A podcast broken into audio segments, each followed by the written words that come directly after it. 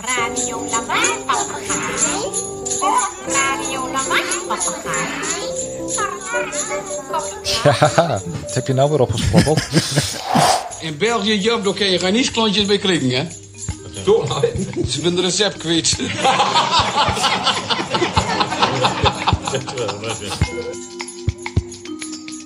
Welkom bij een nieuwe aflevering van Mijn Oervrouw. Een speciale kersteditie waarin alles anders is dan in voorgaande afleveringen.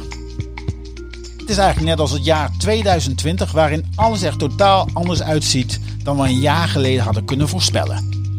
Steeds weer moeten we inspelen op veranderingen waar het coronavirus ons voorstelt. En zo loopt ook de planning van Mijn Oervrouw anders dan voorzien. We hadden nu graag om de tafel gezeten met José Martin van Herinneringscentrum Kamp Westerbork. Maar dat gesprek schrijven we door naar het nieuwe jaar. Heb jij je ook wel eens afgevraagd wie de makers achter Mijn Oerverhaal zijn? Wat hun drijft om deze podcast te maken over genealogie en familieonderzoek? In deze aflevering van Mijn Oerverhaal krijg je een kijkje achter de schermen. Een paar maanden geleden waren wij een paar dagen lang buren van elkaar in het Friese Wommels. De ideale gelegenheid om eens met elkaar in gesprek te gaan. En aan de hand van geluiden nemen we jou mee in ons eigen oerverhaal en onze motivatie om met deze podcast te beginnen. In de komende drie kwartier krijg je een uniek inkijkje in het leven van de makers achter mijn oerverhaal. Welkom Gerard in Wommels. Of all places. Ja, Ja, ik ken Wommels natuurlijk. En wat eh, vind jij van Wommels? Ja, je ziet er niet zo heel veel van nog. Je bent hier niet heel veel. Je slaapt hier nu een beetje. En, eh, maar hoe vind je het hier? Ja, nou in mijn optiek is het een eh pittoresk dorpje wat ik heb gezien met een hele mooie kerk die er bovenuit eh, torent. Ja, Vanmiddag hier ook even een hardlooprondje gemaakt en eh, nee, je zit helemaal omgeven in de, in de landerijen om je heen. Hè? ja het Friese platteland. Ja. En het is jouw geboortegrond. Mijn roots, niet mijn geboortegrond. De familie van mijn moeders kant komt er allemaal vandaan. Ja, En ik ben weer teruggekomen. Terug naar de roots. ja. Ja. En voel je dat ook echt zo, dat het terug is naar je roots? Ik voel me hier helemaal op mijn, op mijn plek. Ik voel me helemaal in deze omgeving, in dit stuk van Friesland. Ook waar ik ben opgegroeid hoor, voelde ik me ook helemaal eh, op mijn plek. Maar dit stuk van Friesland, ik voel wel iets van, eh, ja, het is wel iets van thuis. Zit natuurlijk ook misschien een heel mooi, het, gevoel beetje, misschien als wel weemoed. Misschien heeft het ook wat te maken met de leeftijd. Ik weet het niet. Het is het, het, het, het, is het dorp eh, waar ik als kind bij grootmoeder kwam. Wim Sonneveld een beetje, weet je wel, dat. Ja, dat voel je dan toch terug op een of andere manier. Tenminste, ik voel dat wel terug. Ja. En komt er op dit moment, je zegt ik ga, ging op bezoek bij mijn grootmoeder, ook een beeld naar voren dat je dan een fotootje maakt in je hoofd? Ja, ja, ik kan mijn grootmoeder, mijn oma, mijn beppe. Grootmoeder klinkt heel afstandelijk voor mij. Mijn beppe, ja, dat was mijn beppe. Dat is, ja, geen kwaad woord over mijn beppe. nee, gewoon een hele, hele lieve, verstandige, wijze vrouw. Waar ik heel, of heel vaak, ja, als kind denk je gewoon heel vaak, maar achteraf gezien is het niet zo vaak natuurlijk. Maar waar ik eh, regelmatig uh, te logeren ging. Waar we eh, die veel bij ons kwam met de verjaardagen. Waar wij één keer in de zoveel tijd op zondagmiddag altijd naartoe gingen. Of zondag de hele dag. Waar we bleven eten. Ook al bleven slapen met ons gezin toen we nog kleiner waren. Dus allemaal hele, hele warme, goede herinneringen. Ja. Ja. En is dan één fotootje die je naar boven kan halen die in één keer... Nou, ik zie gewoon, als ik, als ik denk, dan denk ik gewoon, dan zie ik mijn beppe. En dan zie ik gewoon, ehm, ik zie haar zitten. Ik kan, ik, ik, ik, ik, ik kan haar, ik kan haar zien zitten te sokken breien. Ik zie haar aan de afwas. Ik zie haar bij de tafel te eten. Ik zie haar met ons door het dorp lopen. Dus er komen allemaal wel hele mooie herinneringen eh, dan boven. Ja. Maar, maar niet gewoon één beeld of één foto. Nee, het zijn allemaal verschillende goede herinneringen. Ja, mooi. Ja. Ja, we zijn hier eigenlijk bij elkaar. Nou, ik gaf net aan, we zijn hier voor een paar opdrachten. Maar ja, feitelijk zijn we twee dagen lang zijn we buurmannen. Ja, buurman en buurman. En dat in deze coronatijd, dat maakt het wel eh, heel bijzonder dat we zo intensief even met elkaar eh, om de tafel kunnen. ja, En dat maakt het ook denk ik wel ja, interessant om met elkaar eh, te praten over ons eigen oerverhaal. En daar eens in te duiken. En zodat eh, een luisteraar ook een beetje kennis kan maken van hey, wie zijn nou de mensen achter mijn oerverhaal. ja, precies. En Nou, we hebben eigenlijk besloten om dat aan de hand van geluiden te doen. En eh, ik wil beginnen eigenlijk met een gezamenlijk geluid. Even kijken of het allemaal gaat werken.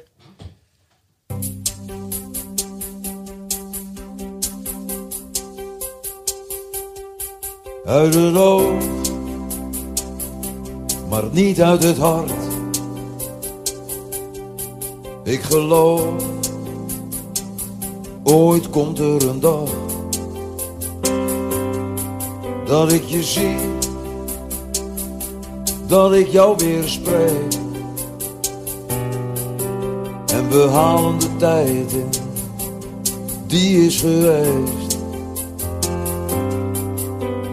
Stuur deze woorden en de stroom neemt ze mee. Want ik gooi een fles met een brief in de zee. Naar waar jij ook bent, waar jij ook bent. Adres onbekend. Adres onbekend. Ja, adres onbekend. Zo leerden wij elkaar kennen. Ja, dat was de eerste, het eerste begin. Hè? Daar is het begonnen. Ja. Hoe kwam jij eigenlijk bij Adres onbekend? Dat kwam door de zoekbrigade, hè, die adres onbekend eh, had opgezet op een gegeven moment. En ik luisterde naar een aflevering, want ik, ik luisterde heel toevallig naar een aflevering, want ik luisterde helemaal niet meer elke zondag naar adres onbekend. En ik, toen dacht ik, ja, nou daar duik ik gewoon een keer in. En toen kwam het ook voorbij op social media, bepaalde vragen. Ja, en toen kon ik in de zoekbrigade gewoon meedoen en meehelpen. En eh, door mij zijn toen ook een aantal zoek op de. ehm, Zoektochten. Door mij zijn er ook een aantal zoektochten eh, wel tot een eh, goed resultaat gekomen. Een paar dan. Ja. Staat er nog één voor, voor de geest? Ik denk van, hey, dat verhaal? Of? Nou, niet, niet, niet direct meer. Nee. Nee. Nee, dat komt ook. Ik, ik, ik, ik doe dat dan zo in een enthousiasme. Oh, dat gaat die. En, en, en dan gaan we moet daar kijken. Dan moet je daar zoeken. En dan is het waarschijnlijk die en die. Mhm. Dus dan ging ik weer naar eh, een berichtje sturen naar eh Jennemiek denk ik. Jennemiek.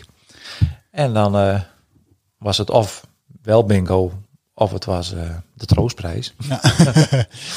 ja. Ja, want op dat moment werkte ik voor Adres Onbekend. Ik was daar eh, producer, regisseur. Maar ja, die, die zoekbrigade was natuurlijk wel gewoon continu in beweging. En eh, die Ja. ondersteunde ook eh, ons. Dus dat was een hele mooie samenwerking met ja, een soort van vrijwilligersbrigade die eh, ja, met allerlei tips kwamen en zo. Dat was echt... Ja, maar ook, ook een heel forum bijna wat erop staat dat je ook op elkaar kon reageren weer. Hè? En elkaar, de anderen die meezochten. Want je kon gewoon vrijwillig lid worden en ook gewoon weer zeggen van ik ga stoppen weer mee. Maar ook elkaar weer helpen. Van de ene vrijwilliger had iets en dan kon de andere vrijwilliger daar weer op inspelen. ja. Dus het was wel een hele mooie manier van samenwerking gewoon van luisteraars die actief meededen. En je zei net, eh, ik luisterde niet meer naar Adres Onbekend. Dat geeft iets aan dat je kennelijk eerder wel luisterde naar Adres Onbekend. Ja, nou ja, als kind luisterde ik gewoon naar adres onbekend eh, meer onbewust dan bewust. Als ik dan thuis was of ik hoefde nog niet naar school of voor mijn schooltijd zelfs nog, dan weet ik dat mijn moeder adres onbekend luisterde met Anne van Egmond. Ja, en Anne van Egmond vond ik als kind gewoon dat hij een bijzondere stem had. Een mooie stem. En eh, dus toen is dat blijven hangen, zonder dat ik als kind in de gaten had van oh, wat is het voor programma en waar zijn ze mee bezig. Toen kwam op een gegeven moment het televisieprogramma van Spoorloos. En van daaruit ben ik ook een adres onbekend. Dus af en toe eens even geluisterd. Ja. En toen weer, weer vaker. En het nu ook veel meer volgen op de social media. En eh, Maar bijzonder dat jij als kind al geraakt was. En dat was dan vooral de stem. dat was een stem. Ja, Het is wel grappig dat het uiteindelijk dan datzelfde programma weer terugkomt. ja. Ja. En dat je dan ook als kind al zo bewust naar de radio luistert. Ja, ik weet niet of je naar de inhoud luistert of alleen... Nee, ik luister niet naar de inhoud. Nee. Nee, ik, hoor, ik hoorde dat die mevrouw voor de radio was. Verder niet. Vraag, vraag, vraag me niet met wie ze heeft gesproken. Vraag me ook niet wat voor muziek ze heeft gedraaid. Ja. Dus eh, de stem van Anne van Egmond. ja, Die hoort wel bij jouw jeugd. die, hoort, die hoort wel bij mijn jeugd. eh, Ja. ja. Wat, welk geluid hoort nog meer bij jouw jeugd? Nou, dat, dat zou bijvoorbeeld het geluid kunnen zijn van, eh, van een potlood. Ik zit altijd te tekenen. Ja, dan zie je dat jongetje van eh, nog geen vier jaar, dat nog niet naar de school hoeft, nog niet naar de kleuterschool hoeft. Die gewoon elke ochtend bij de tafel zit te tekenen. tekenen, tekenen, tekenen. Maar ook, het, eh, maar niet het jongetje wat de hele dag alleen maar zat te tekenen. Ook het jongetje dat zat te tekenen, maar daarna ook weer heel goed kon spelen. En een hele rijke fantasie had. En ook graag buiten mocht spelen. Maar die zichzelf dus ook eigenlijk heel goed kon vermaken eigenlijk. Ja. Ja. Ja, dat is, en dat is altijd gebleven. Ja. Ja, je hebt, als je als kind een rijke fantasie hebt. En dat, dat- als je dat als kind bezit, dan, en dat ontwikkelt zich verder positief. Dan kun je later, als je ouder wordt en je wordt volwassen, je ook in situaties waarin je alleen bent, je ook beter weer vermaken. En terug naar het jongetje van toen. Die zat aan de keukentafel. En wat tekende die jongen dan? Wat tekende die jongen? Ik heb al de tekeningen nog bewaard trouwens. ik heb een dozen vol met tekeningen en schetsboeken. En, eh, vanaf de allereerste tekening. Die zijn allemaal bewaard gebleven. En dat jongetje heeft eigenlijk nooit... eh, eh, Kinderen gaan... Ik kom zelf uit het onderwijs, dus ik heb helemaal die teken... hoe kinderen tekenen op de PABO moeten leren. En bestuderen. En ook kindertekeningen moeten bekijken. Heel interessant. En er wordt vanuit gegaan dat kinderen beginnen met krassen en krabbelen. En dan komen langzaamaan de rondjes in de vormen. En dan komen de poppetjes. En vaak zijn het dan kappootjes, hè, zeggen ze dan. Een hoofd met twee stippen en twee lange poten. Dat is eigenlijk het traditionele tekenen. Maar dit jongetje heeft eigenlijk nooit een kras- en krabbelperiode gehad. Die begon eigenlijk gelijk met rondjes tekenen. En uiteindelijk werden die rondjes poppetjes. En het jongetje heeft altijd poppetjes en uiteindelijk mensen getekend. En dat is ook wat ik, eh, als ik nu ga zitten tekenen, dan teken ik ook het liefst mensen.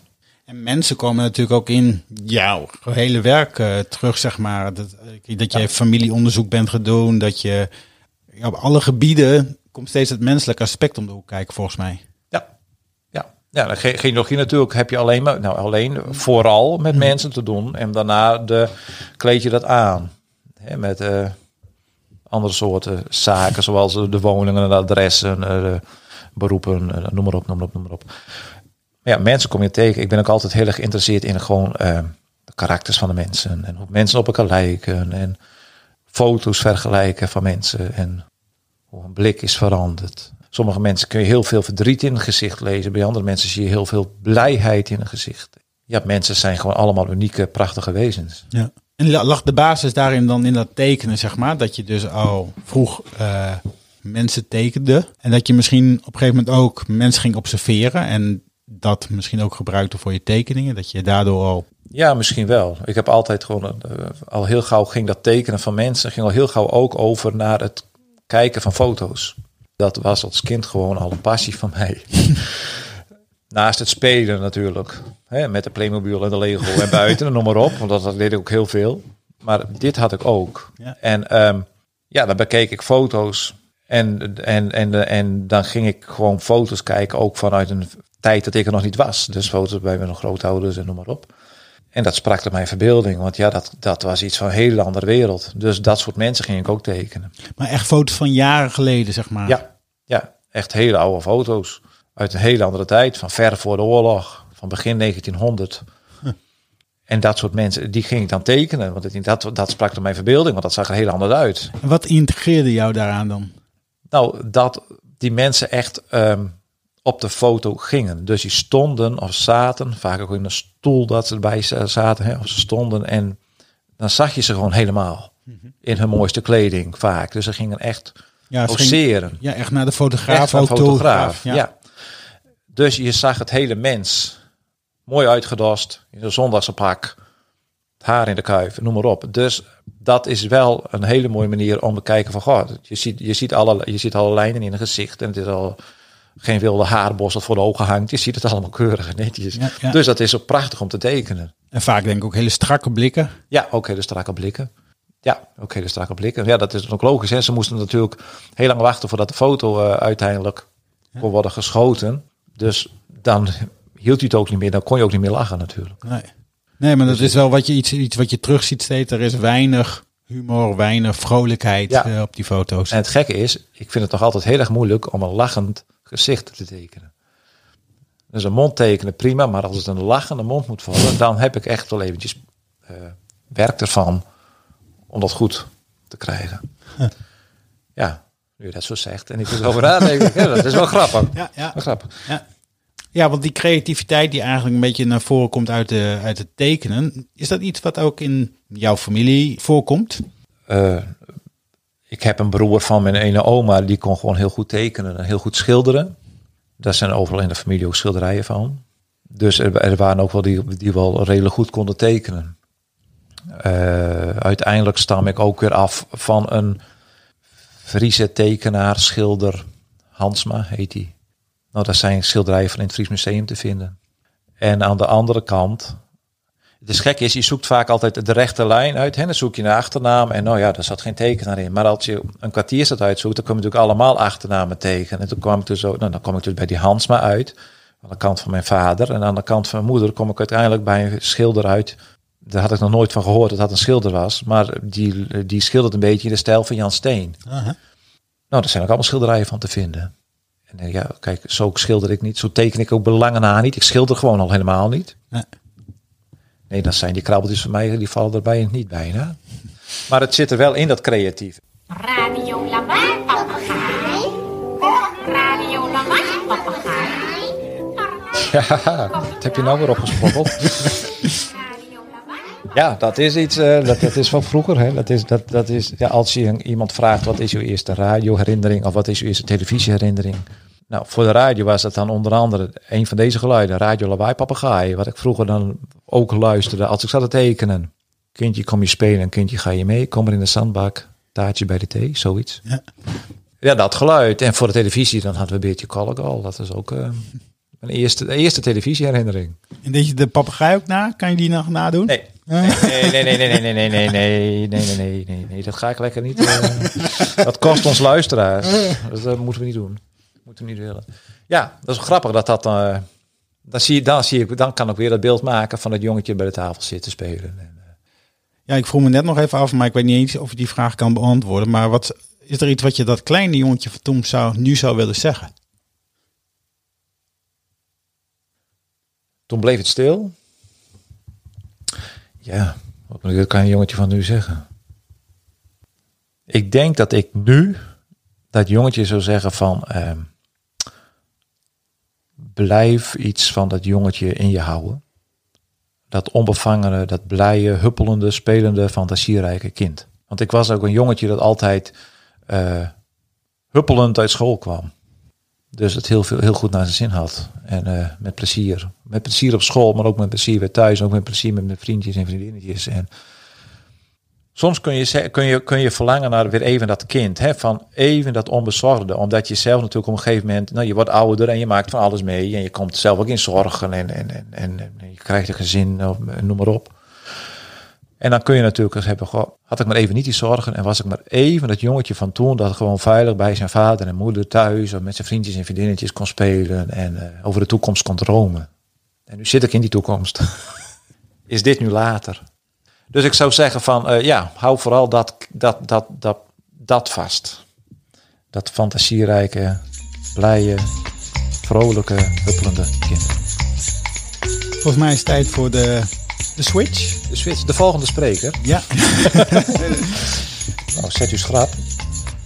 Je hebt natuurlijk al heel veel ehm, vragen gesteld die natuurlijk al een overlap hebben. Hè, onze eerste kennismaking, eh, ja, dat, dat kan ik je vragen. Maar ja, ik kan je natuurlijk wel vragen over die eerste kennismaking van wat vond je er nou van? Dat je opeens zo'n vraag kreeg van een wildvreemde en hè, die iets had van, goh, jij was ook zoekend. Ja. Misschien kunnen we iets voor elkaar betekenen op werkgebied en no- noem maar op. Hoe, hoe heb je dat ervaren? Hoe, Ja, ik, ik zag dat eigenlijk meteen wel. Ja, niet meteen denk ik, want ik zat het toevallig van de week terug te zoeken. Want je had me voor mij al twee keer eerder een verzoek gestuurd van... hé hey, Gerard, zou je dat misschien kunnen doen? Die heb ik een beetje laten liggen volgens mij. zou heel goed kunnen. Ik En weet toen gaandeweg, de, toen zag je volgens mij dat ik meer met levensverhalen bezig was... en aan het schrijven was vooral ook. eh levensverhaal aan het vastleggen wa- eh, was. Ja, En toen dacht je, hé, hey, we moeten dus met elkaar om de tafel. ja. dat was wel in een periode dat ik juist voor mezelf ook had bedacht. Ik moet nu de mensen die mij benaderen gewoon het gesprek mee aangaan en gewoon kijken wat daar uit voortkomt. Ja, Misschien komt er helemaal niks uit voort, maar dan zet het mij zelf weer aan het denken en dus ik was heel erg op dat moment met mijn netwerk bezig. Dus zo heb ik het. Jij stond dus open wel op dat moment voor allemaal nieuwe, Ja, ideeën, ook omdat je zelf zoekend was. Ja, om mezelf wel ideeën te vormen van Ja. waar ik naartoe wil. Ja, En ik heb gemerkt hoe belangrijk dan de input van andere mensen en misschien juist wel voor in dat geval nog onbekende mensen heel belangrijk voor mij was. ja. Omdat die me dan toch weer een andere richting insturen. Nou, ik was er één van. Ja. Dus eh, er zijn dus meer geweest, er zijn meer. Heb je met die anderen ook eh, dat je nog eh, met leuke dingen bezig bent die er zijn- uit die tijd zijn overgebleven? Dat is wel heel waardevol. Nou, wat, wat sowieso een product is wat voortgekomen is, nou, al gedeeltelijk in de tijd dat ik bij Adres Onbekend werkte, maar toen was ik ook al wel bezig met nou, het pionieren. En uiteindelijk heeft dat een boek opgeleverd over Groningse sporters. Dat is eigenlijk ook heel opmerkelijk hoe dat is eh, tot stand is gekomen. Dat was op een gegeven moment op Twitter een oproep van eh, sporthistoricus Jurrit eh, van de Voren. En die zei van, nou, er is een Fries boek verschenen over sporters uit Friesland. Waarin tien sporters werden geportretteerd. Maar eigenlijk moet dat voor elke regio gebeuren. En wie pakt een regio op? Ja, Louis uit eh, Friesland reageerde erop, ik reageerde erop. En we hebben op een gegeven moment gekozen om samen te werken. En zodoende hebben we uiteindelijk, eh, nou moet ik het goed zeggen, ik denk tien sporters eh, ja, vastgelegd in een boek. En dat product is gewoon daadwerkelijk ook in de winkels komen te liggen. Dat is mijn eerste boek, wat ook echt daadwerkelijk in de winkels ligt. Ja, dat is, dus dat, daar ben ik apen trots op. Ja. nee, dat begrijp ik. En dat komt uit diezelfde periode. ja. Dus je hebt, het is wel een hele vruchtbare periode uiteindelijk geweest. Maar wel ook een hele onzekere periode. Dat is de andere kant eraan. Want ja, je begint aan een boek te schrijven, maar je weet niet waar het uitkomt. Eh, hebben we een uitgever? Eh, dat was allemaal onzeker. Ja, het is wel een risico, maar het ligt nu in de winkels. Ja. Al een aantal jaren. Het ligt er nog. Het wordt nog of niet? Wordt het nog verkocht? Nou, heel mondjesmaat. Oké. Maar, het, maar goed. Maar het- mensen, het die is, eh, mensen die geïnteresseerd zijn, eh, zoek even op Goudja, want daar eh, kan je het onder vinden. Nou, dat gaan we allemaal doen nu, natuurlijk. Maar Goudja is natuurlijk een Groningse, een typisch Groningse titel. Nou zit je in Friesland, en je woont in Utrecht. Maar waarom ga je nou zo'n Gronings boek maken? Ja, zal ik daar een geluid bij laten Heb je horen? daar een geluid bij?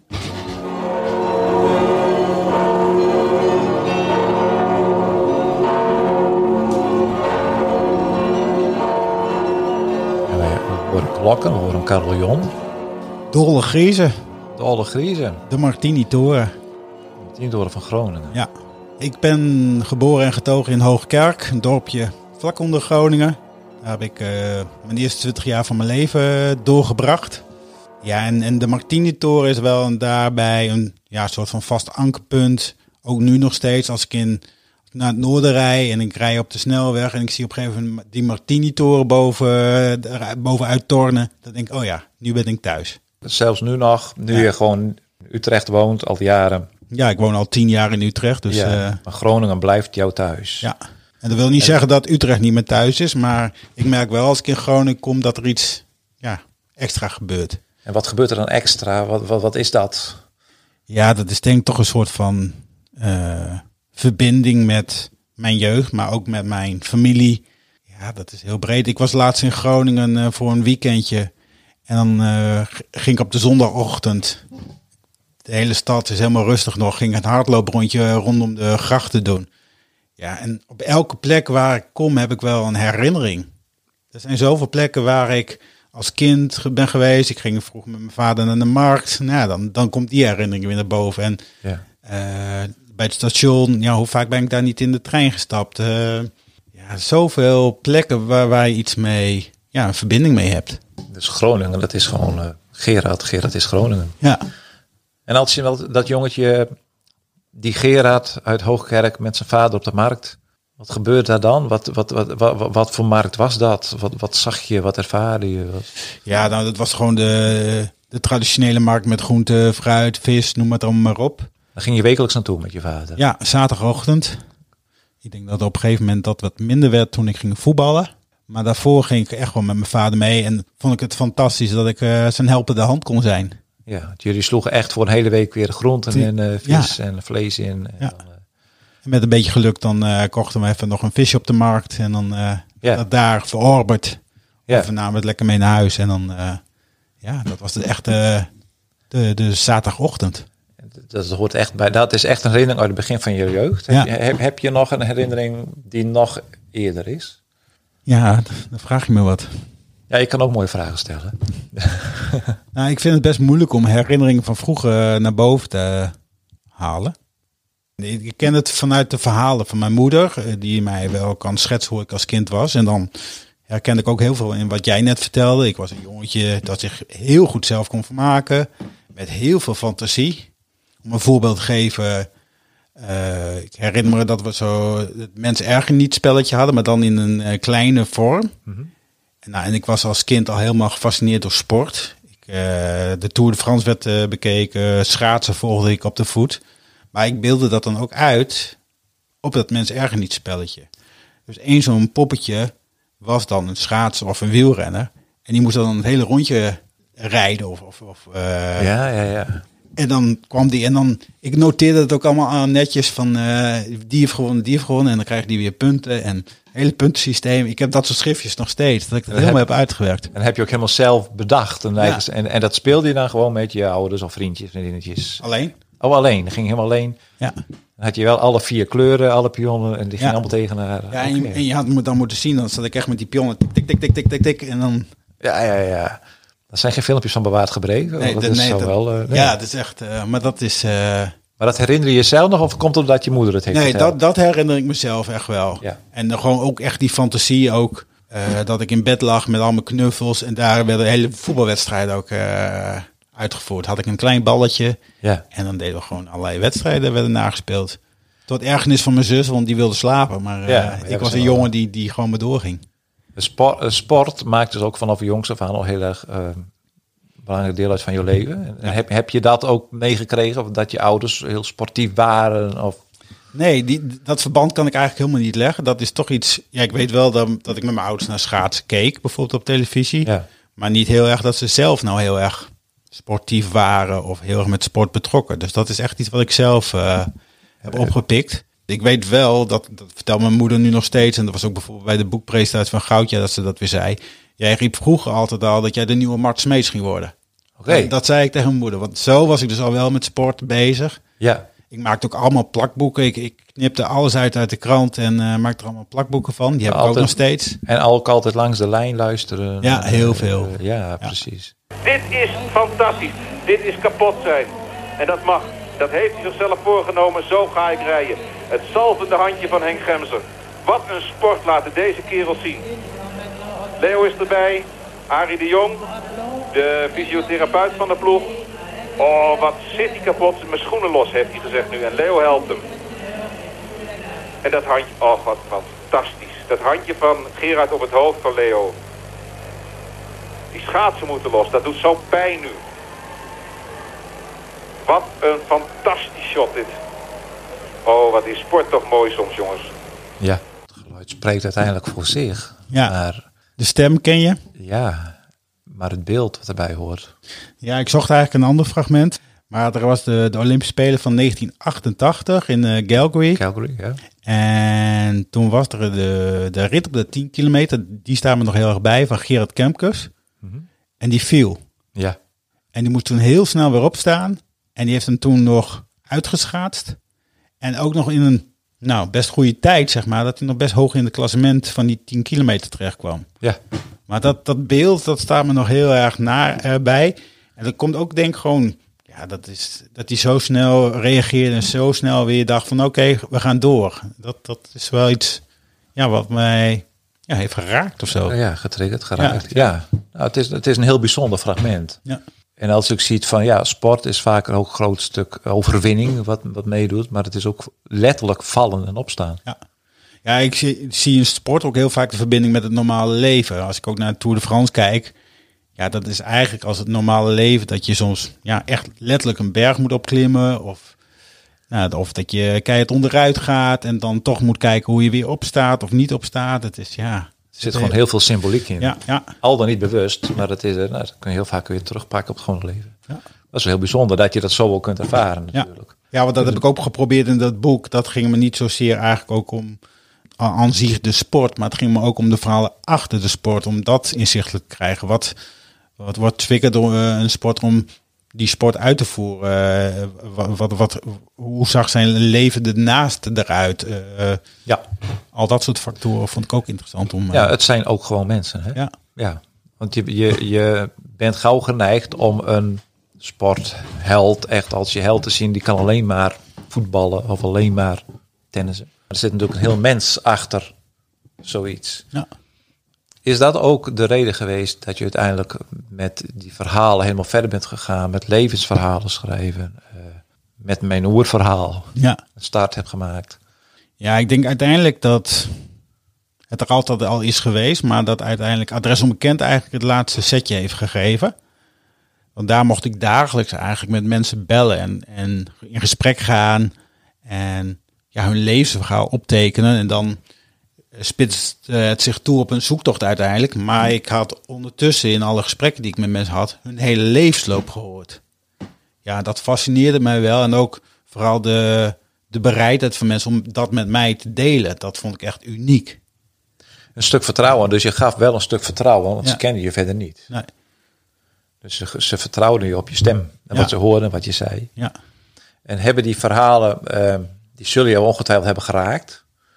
Eh, door de verhalen die je hebt gehoord, hebt gelezen, heb je daarvan ook bepaalde lessen geleerd die je nu nog gebruikt in jouw leven of in je werk. Ja, lessen, nou ja, wat ik, wat ik zelf altijd wel belangrijk vind om heel erg goed te luisteren. Dat is eigenlijk eh, in mijn werk belangrijk. Kijk, als ik een levensboek schrijf, dan heb ik vijf, zes gesprekken met iemand.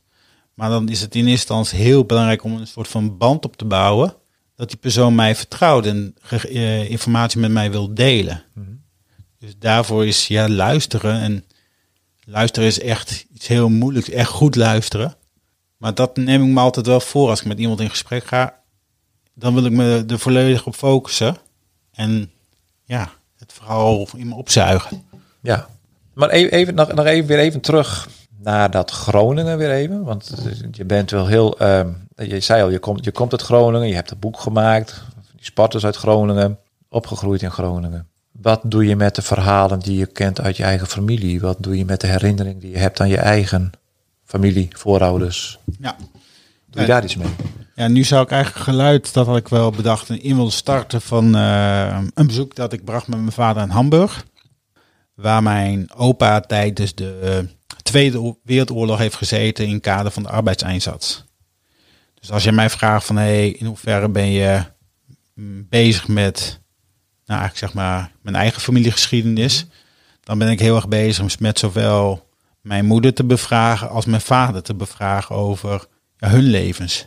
En daarmee ook de levens van mijn opa's, mijn oma's. En zo stapje voor stapje eh, verder terug. This was uh, the uh, is it Ambetriebsweg? Yeah. This is where, where your dad was working. Well, yeah, I guess. And that was right after after a bombing. So that's the area where, where he was most probably working in. And this is how he looked. Zo achter de building. Yeah. Waarom vind jij het belangrijk om de levensvragen bij je ouders op te vragen en daardoor ook de levensvragen van je grootouders te krijgen? Is, is dat eigenbelang? Is dat nieuwsgierigheid? Doe je het om het weer voor, door te geven straks aan je eigen kind? Of Nou, ik denk in eerste instantie dat het uiteindelijk iets is dat iets uiteindelijk ook iets vertelt over wie ik ben. Ik zie heel veel overlap tussen mijn vader en mij. In, in, karakter en hoe we met dingen omgaan. En ook dat ik soms niet helemaal weet waarom dat zo is. Ik heb wel steeds meer het gevoel dat dat te maken heeft met wie mijn opa was. En hoe mijn opa hoe de relatie tussen mijn vader en, en zijn vader is geweest, laat ik het zo zeggen. Dat dat van invloed is geweest op. eh, ja, dat, dat is denk ik gewoon logisch. Dat is van invloed geweest op wat voor vader eh, mijn vader voor mij is geweest. En zo gaat dat eh, eh, steeds door. Dat zijn steeds allemaal weer schakels die door blijven gaan. En ik denk dat het best heel goed kan zijn om te weten van hé, hey, wat is daar gebeurd? Zodat je ook jezelf kan afvragen, nou, ik ben zelf vader van een zoon. Wat geef ik weer mee aan mijn kind? ja, en door de, en door de verhalen van je voorouders je uiteindelijk ook je eigen ouders beter kennen, maar jezelf ook beter kennen. Ja. En misschien zelfs je kind beter kennen. Ja, want kijk, als ik kijk naar mijn opa, dat, daar wist ik niks van. Die heb ik ook niet gekend, eh, de opa van vaders kant. Maar dat ik nu weet dat hij in de oorlog in Hamburg is geweest. En ook geruime tijd in Hamburg is geweest. En daar bijvoorbeeld, zo goed als zeker, al die bombardementen aan het eind van de oorlog heeft meegemaakt. Ik kan me meer vertellen, maar dat moet een ongelooflijke impact hebben gehad op wie hij was. Ja, en ook hoe hij verder de opvoeding Ja, deed. want hij is zeker twee jaar uit huis geweest. Dus hij is twee jaar ook niet bij zijn kinderen geweest. En mijn vader is van na de oorlog. Dus, maar goed, ja, dat heeft wel ja, impact gehad. Dat kan niet anders. Nee, dat kan niet anders. Ja. Dat kan niet anders. En ik vind dat toch wel mooi om daar een soort van beeld van te krijgen. Van, hé, hey, hoe is dat dan gegaan? Ja, en het is ook een stuk begripsvorming uiteindelijk. Ja, eigenlijk, eigenlijk zouden, zouden we allemaal onze voorouders moeten kennen en weten wat zijn die verhalen geweest. En vaak kom je maar tot een aantal generaties, omdat dat nog via gesprekken terug is te leiden. En de rest moet je van uit archieven halen. En daar staan natuurlijk niet alle levensverhalen. Nee, nee dat, vind ik ook wel mooi. Dat ik toch nu ook aan heel veel aan het schrijven ben. Zodat mijn zoon uiteindelijk straks ieder geval een soort van boek heeft of een handvat. Waarin hij de verhalen van zijn vader leest. En nou hoop ik ook al nog wat eh, uit de, de familiegeschiedenis, zeg maar. Zodat hij niet helemaal in het niks hoeft te beginnen. Maar dat hij een soort van basis heeft waar hij op verder kan. Ja, Dat, dat lijkt dat, dat is een heel mooi, heel mooi, eh, Ja. dat is heel mooi iets wat je mee kunt geven. Ja. Waardevol.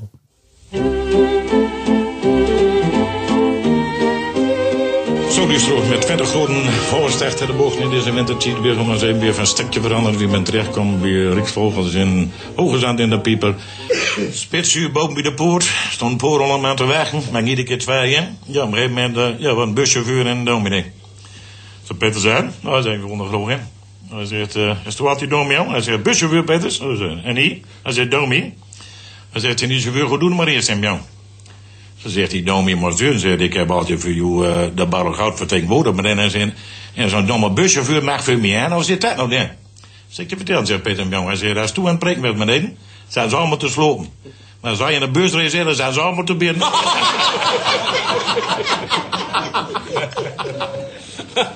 In België, Job, daar kun je geen niesklontjes bij klikken, hè? Toch? Ze zijn de recept kwijt.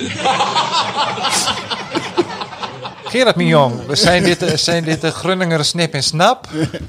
Nee, dit is het eh, fameuze programma Stamtovels van eh, Radio Noord. Oké. En als je iets, wat ook bij mijn jeugd hoort, is het toch wel Radio Noord. Stond er ook heel vaak thuis bij ons aan. Ja. En dit was echt een fameus programma dat, nou, ik denk drie of vier mensen bij elkaar zaten. En dat er op de stamtafel en alleen maar moppen. Ja. Gewoon Groningse moppen. En dat ging elke zaterdag bijvoorbeeld. Ja, het was zaterdag Was volgens dat, mij, zaterdagochtend.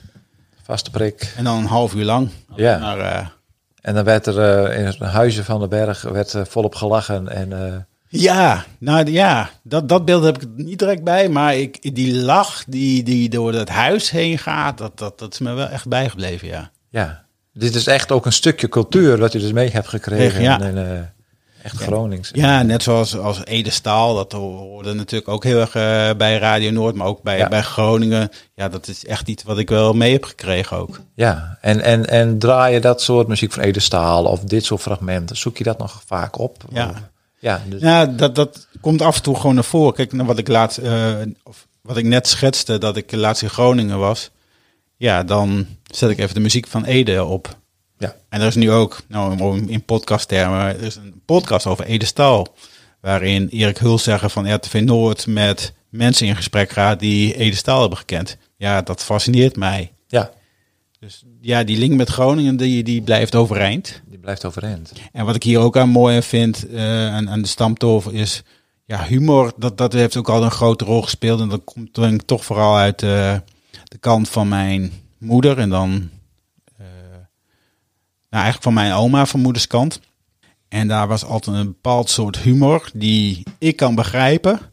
Gek genoeg, maar ook heel veel buitenstaanders niet. En dat is dan toch iets wat je met elkaar gemeen hebt. En dat, eh, dat vind ik ook iets heel bijzonders. eh, Dat maakt iets intiems, hè? ja, Dat is iets van je eigen familie. ja. Door een bepaald grapje te maken en begrijpt jouw familie het. En buitenstaander die heeft geen flauw idee waar je het over hebt. ja. Net zoals bepaalde spreuken in een familie kunnen blijven, bepaalde Ja, liedjes. Heb je ook zo'n bepaald spreuk of riedeltje wat echt in jouw familie hoort? Wat Ja, je zo even te binnen schiet. Ja, het eerste, eerste wat me te binnen schiet, en dat is eigenlijk helemaal niet zo'n leuke associatie. Maar goed, eh, als ik iets geks uit hier eh, haalde, dan, dan zei mijn moeder van, eh kijk, kijk maar Ruud, want uh, stuur me niet naar Zuid-Laren. En Zuid-Laren was altijd gekoppeld aan de psychiatrische kliniek die daar zat. Ja. Maar dat was eigenlijk meer een beetje een, een grap die dan daarvan werd gemaakt. Het wordt eigenlijk natuurlijk... helemaal niet netjes is. nee, nee.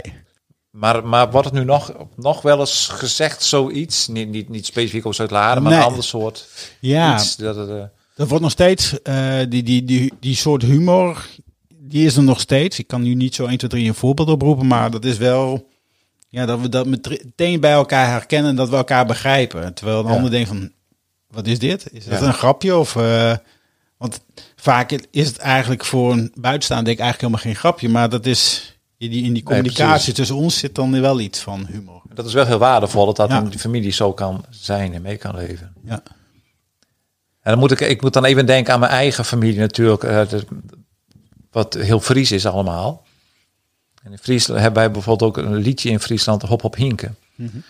Maar in elke familie wordt het anders gezongen. Het begin is allemaal hetzelfde en uiteindelijk begint elke familie zijn eigen riedeltje ervan te maken. Of streekgebonden riedeltje kan het ook nog zijn. Ja. Dat is gewoon grappig. Ja. Dus als de ene begint te zingen, ja nee, maar wij zingen dat zo. Ja, maar wij doen het op die manier. Dat is helemaal familiegebonden. Dat Ja. is wel, eh, nou, dat Ja. is bijzonder. Ja, en ook spreukje. Ik kom nu, moet ik ineens denken aan een spreukje wat mijn moeder altijd zei van haren, Zuid-Laren, glimmen, de punt, de mond, kippenstront. Dat is ook zoiets. Ja. Ja, En er zit natuurlijk heel erg de associatie met bepaalde plaatsen in, eh, in eh, de provincie Groningen in. Maar Ja. het is ook een ja, gekkigheidje. ja. Nee, precies. En de- wij- hebben bijvoorbeeld in, hier wel als je heel lang van stof bent, dan zegt de een zegt, ja, we gaan bij Beltsum om. En de ander zegt, ja, we gaan bij Dokkum om. En weer een ander gaat bij Laaksum om. Ja. We gaan gewoon door heel Friesland.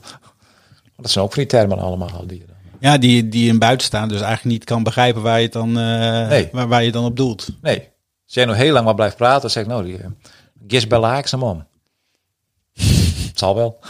En zit er dan nog verschil tussen Laaksem en Dokkum? Of, eh, Ja, dat zijn heel verschillende plekken natuurlijk. Daar, Dakken boven in Friesland, de Laaksum helemaal beneden in eh, de Gaasterland, dus Zuidwesthoek. Dus eh, ja, dat, dat verschilt natuurlijk. En het is dus ook op wat voor gebied je vandaan komt. Ja. Maar Ja, het dat is is altijd interessant, zoiets. Ja, en ook wel interessant voor de potentiële gasten van, de, van mijn oevero. Om daar ook ja, eh, op in te gaan. Van, hey, wat is nou een spreuk of een term die bij ja, jouw familiegeschiedenis hoort. Ja, verras ons er dus mee. Ja. is, eh, Ja. En laat ons maar eens raden wat het dan is. Nee, dat is heel, inter- heel interessant. En vooral ook de, de geluiden. Want ik, ik vond het eigenlijk wel een hele mooie manier om op die manier toch iets van je verhaal te vertellen. eh, Door geluiden naar boven te halen. Ja, Tot zover deze kersteditie van Mijn Overal. In de volgende aflevering is José Martin van Herinneringscentrum Kamp Westerbork te gast.